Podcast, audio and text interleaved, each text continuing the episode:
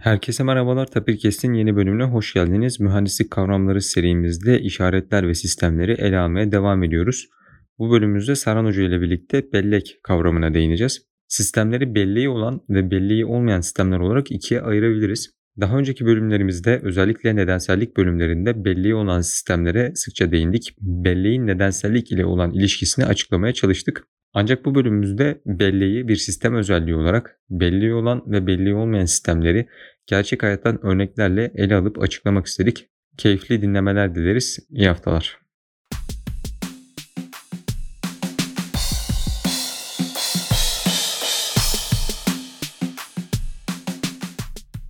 Serhan Hocam hoş geldiniz. Hoş bulduk Halil. Hocam mühendislik kavramlarında işaretler ve sistemleri ele almaya devam ediyoruz. Sistemlerde işlemediğimiz birkaç özelliğimiz kaldı. Bunlardan biri de bellek. Aslında belleğe nedensellik bölümlerimiz altında genişçe yer ayırdık. Belleğin öneminden bahsettik. Bellek ile nedenselliği nasıl alt edebileceğimizden, nedenselliği nasıl aşabileceğimizden bahsettik. Ancak bellek kendi başına bir sistemin kendi özelliğidir ve hani belleği olan, belleği olmayan olarak sistemler ayrılabilir. Yani bu sebeplerden ötürü ve arayan insanlar ya bu adamlar sistemlerin özelliklerini işlemişler de neden belleğe değinmemişler demesinler diye sadece başlığa bakarak yani belleğe ayrı bir bölümde ayırmak istedik. Kısaca ele alıp belleğin sağladığı iyi özellikler neler, belli olan bir sistem e, ne demek, belli olmayan bir sistem ne demek bunlara değinmek istiyoruz. E, şimdi öncelikle hocam bellek aslında günümüzde insan hafızasından daha çok söylendiği zaman yani özellikle bende bu şekilde olabilir. Bir RAM'i, ROM'u ya da işte bilgisayarda sahip olduğumuz bir kapasiteyi, hard diski depolamayı canlandırıyor. Ancak bellek doğada da pek çok yerde, pek çok farklı alanda karşımıza çıkıyor. Özellikle sistemler, işaretler ve sistemlerde ele aldığımızda, işaretler ve sistemleri ele aldığımızda neredeyse belleği olmayan bir sistemin de mümkün olmadığını görüyoruz. Çünkü bir işlem yapmak istediğimiz anda, doğaya müdahale ettiğimiz anda belleği araya sokmamız gerekiyor. En basit herhalde e, bildiğim kadarıyla buffer dediğimiz şey gelen input'u belirli bir süre bekletip çıktı olarak vermek. Konuda hocam sizin fikirlerinizi almak istiyorum. İşaretler ve sistemlerde belleğin önemi nedir?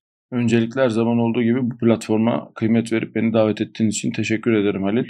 Şimdi bellek konusu dediğin gibi seçilen sözcüğün etimolojik yapısından, günlük kullanımından mütevellit insanların aklına hep e, hatırlama yani geçmişe yönelik bir verinin tutulması, hatırlanması ya da kullanılması gibi geliyor. Bu tabi gerçekten çok da uzak bir yaklaşım değil ancak işaretler ve sistemlerde bellek içeren sistemler için bu ifadenin aslında yarısını, gerçeğin yarısını yansıttığını söylemekle başlamamız gerekiyor.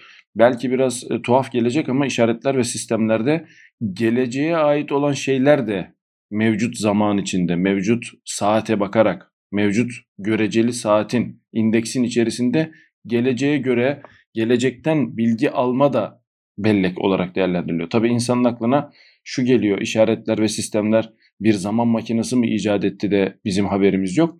E, tabii ki bu senin de nedensellik ilkesi bölümünde de bahsettiğimiz üzere bellekle yapılabilecek bir şey. Yani gelecek ifadesi sistem saatine göre gelecek ancak evrensel zamana göre ya da sistem kutusunun dışındaki saate göre böyle bir şeyi ihlal etmenin mümkün olmadığını daha önce de söylemiştik.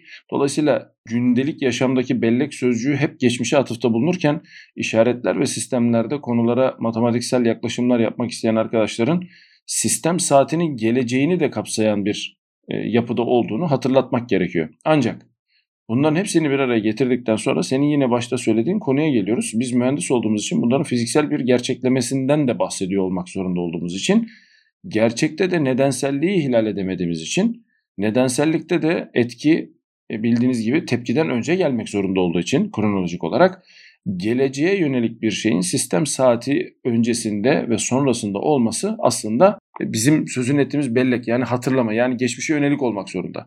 E, kafa karıştırmamak için bunun ayrıntılarına çok girmiyorum ama yani zaman ekseninde sağa ya da sola gitmek işaretler ve sistemlerde sistem saatine göre olduğu için mümkünken gündelik hayatta yaşadığımız makrokozmozda takdir edersiniz ki geleceğe gitmek ya da gelecekten bilgi almak bu anlamda söz konusu değildir. Dolayısıyla o fiziksel gerçeklemeye geldiğimiz an nedenselliğin kölesi olmuş oluyoruz. Bunu söyleyerek başlamak istedim. Bu önemli bir ayrım. Çünkü her ne kadar her insanın aklına bellek deyince tekrar ediyorum geçmiş gelse de biz burada geçmişin yanına sistem saatine göre ifadesini kullanmak zorundayız. Sistem saatine göre geçmişte olan, sistem saatine göre ileride olan şeylerin hepsi belleği kastediyor. Ama fiziksel gerçeklemelerde sistem saatine göre ileride olmak demek nedenselliği ihlal etmek demek değil. Bunu bir kere daha vurgulayalım. Şimdi e, konunun fiziksel gerçeklikle birleştiği noktayı ve kağıt üstünde olanla ayrıştığı noktayı söyledikten sonra şunu söylemek gerekiyor. Bellekli bir sistem ya da bir sistem için bellek özelliğinden bahsetmek neden gereklidir? Buna biraz değinmek gerekiyor. Aslında burada yine her zaman yaptığımız içine doğduğumuz doğanın temel özelliklerinden bahsederek başlamak gerekiyor. Yine nedenselliği atıfta bulunmak durumunda kalıyoruz. Bizler büyük ölçekte yaşadığımız kainatta makro düzlemde hatta öyle diyebiliriz. Tepkinin etkiden önce gelemediğini deneyimliyoruz. Bunun bir kural olduğunu biliyoruz. Bu kuralı işte Isaac Newton'ın zamanında yazmış olduğu eserde de matematiksel hale getirmiş durumdayız. Şimdi problem şu, e, etkiyle tepki arasında bir süre var. Önce ve sonra dediğimiz için. İşte bu süre ne kadar? İşte o süre senin de az önce söylediğin gibi belleğin boyutu kadar diyebiliriz. Bir e, mekanik sistem için bu milisaniyeler mertebesinde olabilir. Bazı kimyasal tepkimelerde saatler olabilir. Hatta işte hep söylenen örnek şimdi çok moda. Mesela plastiğin doğada erimesi eğer e, bir süreçse bu belki yüzyıllar, bin yıllar alabilir. Ya bunun içinde çalıştığımız prosese göre, sürece göre, sisteme göre değişkenlik gösterdiğini söyleyebiliriz. Ancak fiziksel sistemlerde biz bir tepki yani giriş çıkış ilişkisini görmek istiyorsak çıkışın girişten önce olamayacağı varsayımıyla büyük ölçekte hareket ettiğimiz için dolayısıyla karşımıza hep bir tampon yapısı, hep bir geçmişe yönelik sistem saatine göre bir çıktıdan bahsediyoruz. Girdi çıktı ilişkisinden bahsediyor olacağız. E bunun da dediğim gibi temel nedeni yaşadığımız makro düzlemde olayları zihnimizin algılama yöntemi ancak belki podcast'te fırsatını buluruz. Gerçekten işaretler ve sistemlerde sözü edilen belleğin olup olmadığı ya da geçmiş ve geleceğin ne anlam ifade ettiğine dair de fiziksel süreçler yok değil. Bunları da söylemek istedim Halil. Özellikle konuşmanızın sonlarında plastiklere değinince benim aklıma e, şu geldi.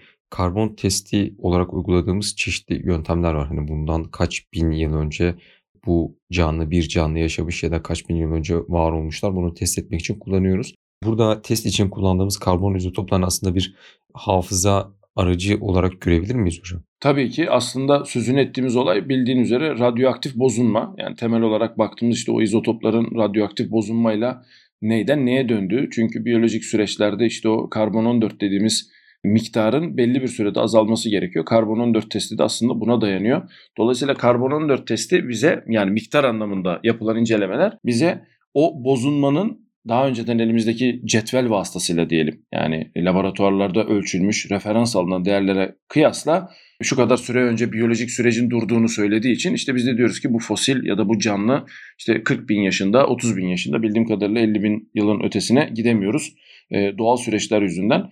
Dolayısıyla orada da sizin ettiğin şeye tamamen katılıyorum belleği yani sistem saatiyle yani şu andaki saatle sistem saati arasındaki farkın ölçülmesi için de çok güzel bir yöntem. Güzel de bir örnek oldu Ali. Sağ olun hocam. Şimdi bu noktada biraz daha örneklendirerek gerçek hayattan e, örneklerle ilerlemek istiyorum. En basiti buffer olduğunu söylemiştik. E, buffer haricinde elimizde bir işareti alıp işlemeye çalıştığımız anda bir bellek bölgesine ihtiyaç duyuyoruz. Çünkü işlemi yapabilmek için öncesinde sonrasında bunun istatistiklerine, dağılımına bakmamız gerekiyor. Bunlara bakabilmek için de bir hesaplama aracına ihtiyaç duyuyoruz ve sayısallaştırarak bunları kaydediyoruz. Peki hocam e, daha önceki analog sistemlere inersek analog elektroniğe inersek burada da karşımıza kapasitör bir bellek olarak çıkıyor. Hatta bir analog to digital converter yani analogdan sayısala geçişi e, sağlamak istediğimizde elimizdeki araç en önemli araçlardan birisi kapasitör. E, bunu kullanarak biz aslında gerçek dünyadan e, dijital dünyaya geçiş sağlayabiliyoruz ve işlemlerimizi daha kolay halledebiliyoruz. E, şimdi benim merak ettiğim nokta şu hocam. Bellek konusunu fiziksel olarak biraz daha ileri seviyelere götürmek istesek aslında e, baktığımız zaman buffer elektrik hatlarının iletiminde dahi var. Bir elektronun yani şu anda var olan benim kullandığım saat ile işte barajdaki üretim arasındaki farklardan ötürü iletim hattında aslında yaşanan gecikmeden ötürü bir yine bu sistemde de bellek var diyebiliyoruz. Ama e, kuantum dünyasına indiğimizde dolaşıklığa, entanglement'a indiğimizde orada bir instantaneous anlık bir etki gözlemliyoruz.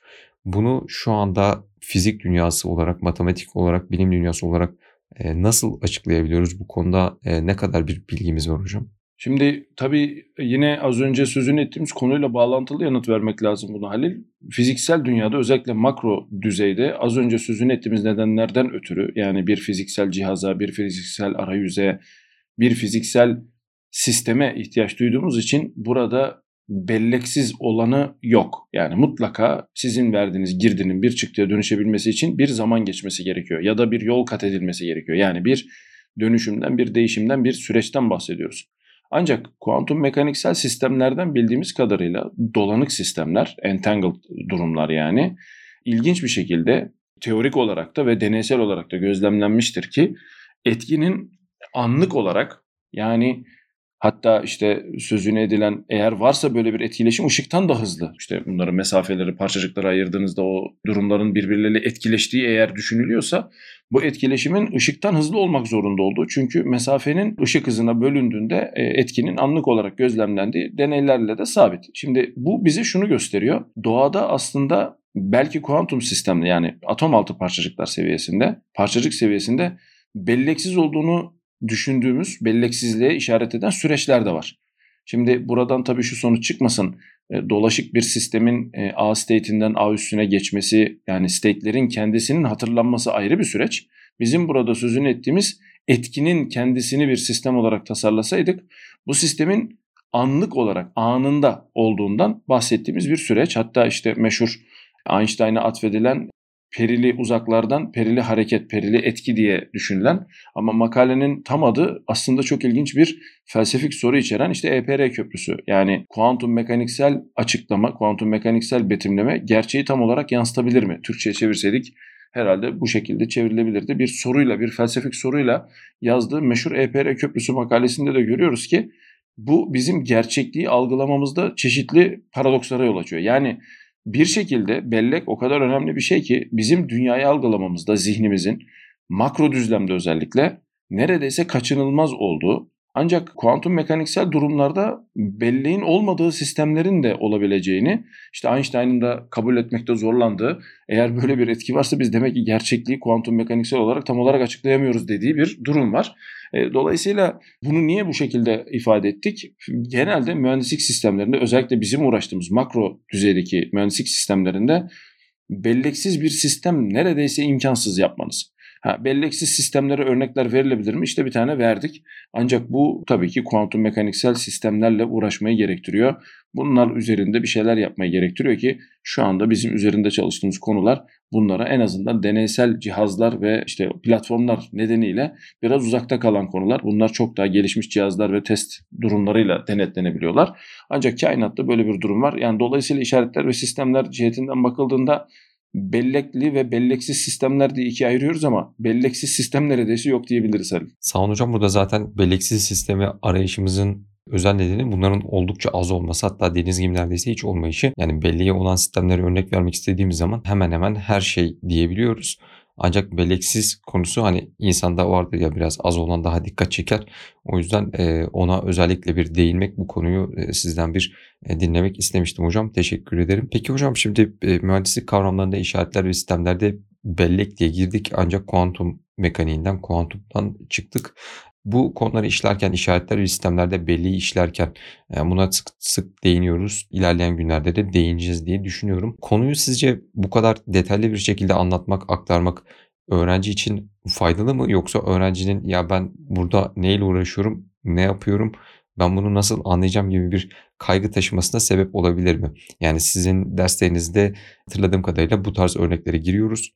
Bu tarz örnekleri ele alıyoruz. Ancak genelde diğer kitaplara baktığımızda, diğer üniversitelere baktığımızda, sınavlara baktığımızda e, bu sistem belleği var mıdır, belleği yok mudur? Gayet açık bir şekilde sorulan sadece e, işaretler ve sistemler açısından bakılan bir e, konu oluyor. Bu konuda fikrinizi merak ediyorum hocam. Halil aslında bu soruyu sorduğun için teşekkür edeceğim. Çünkü benim de nispeten eleştirildiğim ya da değerlendirme noktasında biraz kendi açımdan haksızlığa uğradığımı düşündüğüm bir noktadan bahsediyoruz. Ee, tabii bu haksızlığa uğramak yanlış anlaşılmasın. Benim haklı olduğum anlamında değil. Bunu eğitim sistemi cihetinden lütfen dinleyenlerimiz değerlendirsin. Şimdi temelde şöyle bir problem var. İşaretler ve sistemler dersini kuramsal olarak birisine, bir öğrenciye, bir konunun meraklısına vermeye çalıştığınızda tahtaya ya da işte boş bir A4'e yazdığınız birkaç denklem, simgeler üzerinden bunu yapıyorsunuz. Şimdi bu tabii müfredatın gerekliliği. Ancak oradaki simgeler bütünlüğü, oradaki simgelerin akışını ya da işte yapmaya çalıştığınız şeyin, varmaya çalıştığınız noktanın fiziksel karşılığını karşı tarafa vermediğiniz zaman ya da bununla alakalı fiziksel örnekler biraz daha felsefik açıdan belki de irdelemediğiniz zaman karşı tarafta şöyle bir algı oluşuyor bence. Demek ki bana bu kadarı yeterli. Demek ki bu bu kadarla sınırlı. Demek ki bu bu kadarmış. Halbuki bizim yapmaya çalıştığımız bu podcastler vasıtasıyla da o 14 haftalık müfredat içerisinde işte şu anki konumuz bellek. Belleğin anlatıldığı bir dersin ya da belki bir saatin artık o hocalarımızın takdiri. Konunun yalnızca özüyle alakalı bir kapı açtı ama o kapıdan geçmesi gerekenin öğrenci olduğu hatta e, az önce de konuştuğumuz konular gündeme geldiğinde biraz üzerinde tefekkür yapılırsa konunun aslında çok başka olduğu mesela belleksiz bir sistemin değil mi öğretilmemesi gerektiği yani niye öğretiyorsun ki öyle değil mi yani belleksiz sistem yoksa e, yani bunu sorup bir daha geri gelmenin bence öğrencilerin ya da bu konunun meraklarının çakralarını açtığını düşündüğüm için böyle ilerliyorum. Peki senin sonra geri gelirsek yani bu böyle mi verilmeli? Yani iki türlüsünü de denedim açık konuşmak gerekirse. Yani bunu kağıt üzerinde belleğin tanımı budur. Bak bu sistemler belleklidir, bak bu sistemler belleksizdir, bak bunu böyle bulursun. İşte prosedürü de budur dediğinizde karşı tarafı bu dersi vermiş mi oluyorsunuz? Yoksa karşı tarafa bu sembolik sistem için bir prosedür mü vermiş oluyorsunuz? Yani burada insan zekasını gerektirecek ya da insan beyninin o e, tefekkür mekanizmasını tetikleyecek bir şey yapıyor muyuz sorusunun yanıtını tam bulamadığım için ikinci yönteme geçtim. Yani burada bir eğitim sistemiyle alakalı bir durum var. E, takdir edersin ki de hani Türkiye'nin eğitim sistemi düşünüldü. Üniversite malum talep edilen bir şey. Zor yani devlet zoruyla olan bir şey değil. Bizde zorunlu eğitim şu anda bildiğim kadarıyla 12 yıl. E, yüksek öğretim ise talep edilen bir şey. Şimdi talep eden birisine bu budur deyip verdiğinizde karşı tarafın çakraları açılmadığı zaman bence karşı tarafa eksik bir iş yapmış oluyoruz. Çünkü gerçekten konu o kadarla sınırlı değil işte burada konuştuğumuz üzere. Yani dersi veren kişi olarak da işi iyi yapmadığımı düşünürüm. Öğrenciye de eksik bir şey söylediğimi düşünüyorum. Ancak bunun da takdir edersin ki bütün derslerde böyle yapılırsa ancak bir faydası var. Aksi takdirde outlier oluyorsunuz. Siz İngiltere'de araba kullanan ters şeritten giden adam oluyorsunuz. Yani böyle bir durumu var. Ancak işaretler ve sistemler dersi malum elektrik bölümü ve birçok mühendislik bölümü için çok özel bir ders.